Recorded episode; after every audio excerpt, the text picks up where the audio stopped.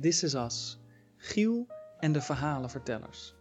Sluit je ogen maar, ik neem je mee op reis. Kan je je dat voorstellen?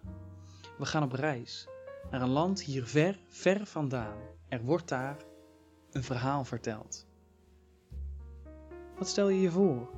Warm je je koude handen bij een kampvuur terwijl je met het hele dorp aan de lippen van een vrouw hangt, benieuwd naar hoe haar verhaal verder gaat? Of voel je de warmte van een net gewassen donsdeken om je heen terwijl je met grote ogen naar het prentenboek kijkt, waarvan je vader net de bladzijde omslaat? Of zie je misschien jezelf? Vertellen we immers niet allemaal verhalen? Rappend, dichtend, schreeuwend of lachend? Voor een uitzinnig publiek of gewoon thuis, met vrienden op de bank. Soms vertellen we in de stilte van ons eigen hart een belangrijk verhaal, terwijl niemand luistert. Terug naar het land hier ver, ver vandaan, het land van de verhalenvertellers. Dat de bekendste vertellers en grootste verhalen van onze tijd herbergt. En dat al eeuwenlang. Vandaag het verhaal over die ene man die een belofte kreeg van één God. Ja, echt, van eentje maar. Sluit je ogen maar en stel je dan het volgende voor. Je zit midden in een groot kamp. In het kamp zitten duizenden mensen om vuurtjes zich te warmen. De nachten zijn koud in de woestijn. Kom gerust nog wat dichter bij het vuur zitten, reiziger. Mijn naam is Mosje de voorman van dit volk. Je bent welkom. Als je thee hebt gekregen, vertel ik je graag het verhaal over die ene man die een belofte kreeg van één God. Ja, echt, van eentje maar. Je krijgt een warme kop thee in je koude handen. En dan begint Mosje zijn verhaal.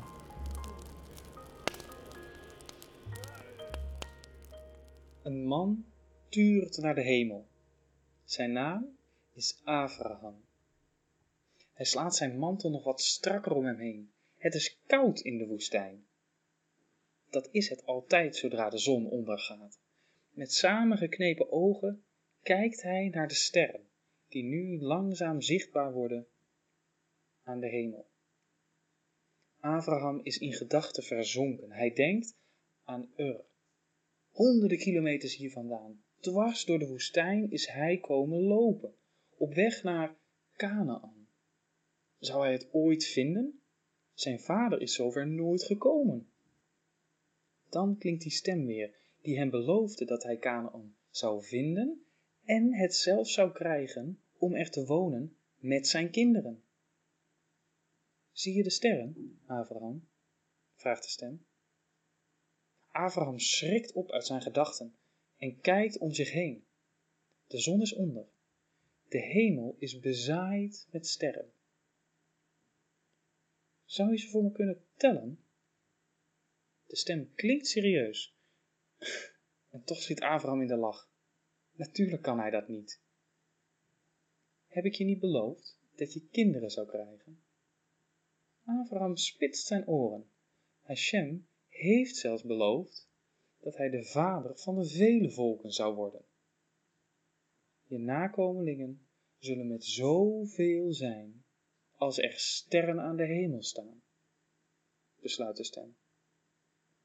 Abraham kijkt vol verwondering naar de lucht. De volgende dag trekt Abraham verder met zijn karavaan. De dagen rijgen zich aan een, tot er op een dag plots een storm opsteekt. Verdomme zand, vloekt Abraham als de storm is uitgeraasd, zitten de korrels overal. In zijn ogen, onder zijn oksels en zelfs in zijn neus. Nog even staat hij stil, in de oren verdovende stilte, vlak na de storm. En dan klinkt weer die stem. Zie je de korrels, Abraham? vraagt de stem. Abraham knippert met zijn ogen.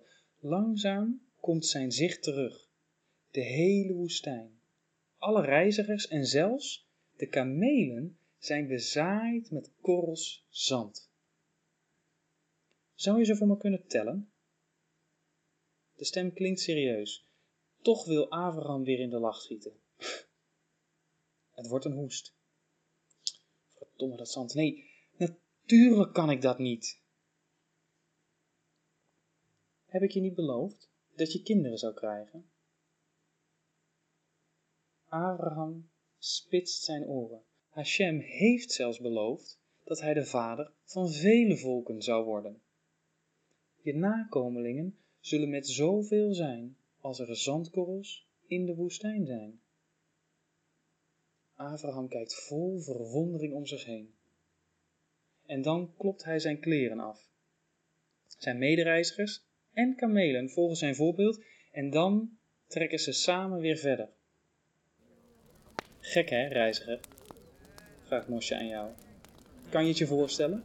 Een man die duizenden kilometers door de woestijn trekt, omdat één God hem ontelbaar veel kinderen belooft? Dat is toch de omgekeerde wereld? Mosje lacht.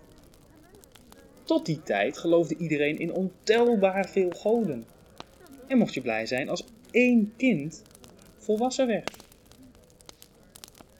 Het wordt stil. De mensen aan het vuur kijken je aan met een twinkeling in hun ogen. Wat is er gaande? Vraag je je af. Mosje kijkt je aan. Hij strekt zijn armen in een wijds gebaar uit. Wij, reiziger, zijn allemaal kinderen van Abraham. Dit hele volk, wij Israëlieten. En wij niet alleen. Ook de Samaritanen, de Arabieren.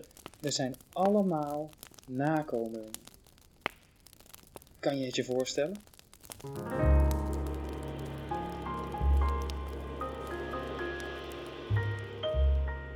In de volgende aflevering Het verhaal over een bloedmooie vrouw die een keuze krijgt.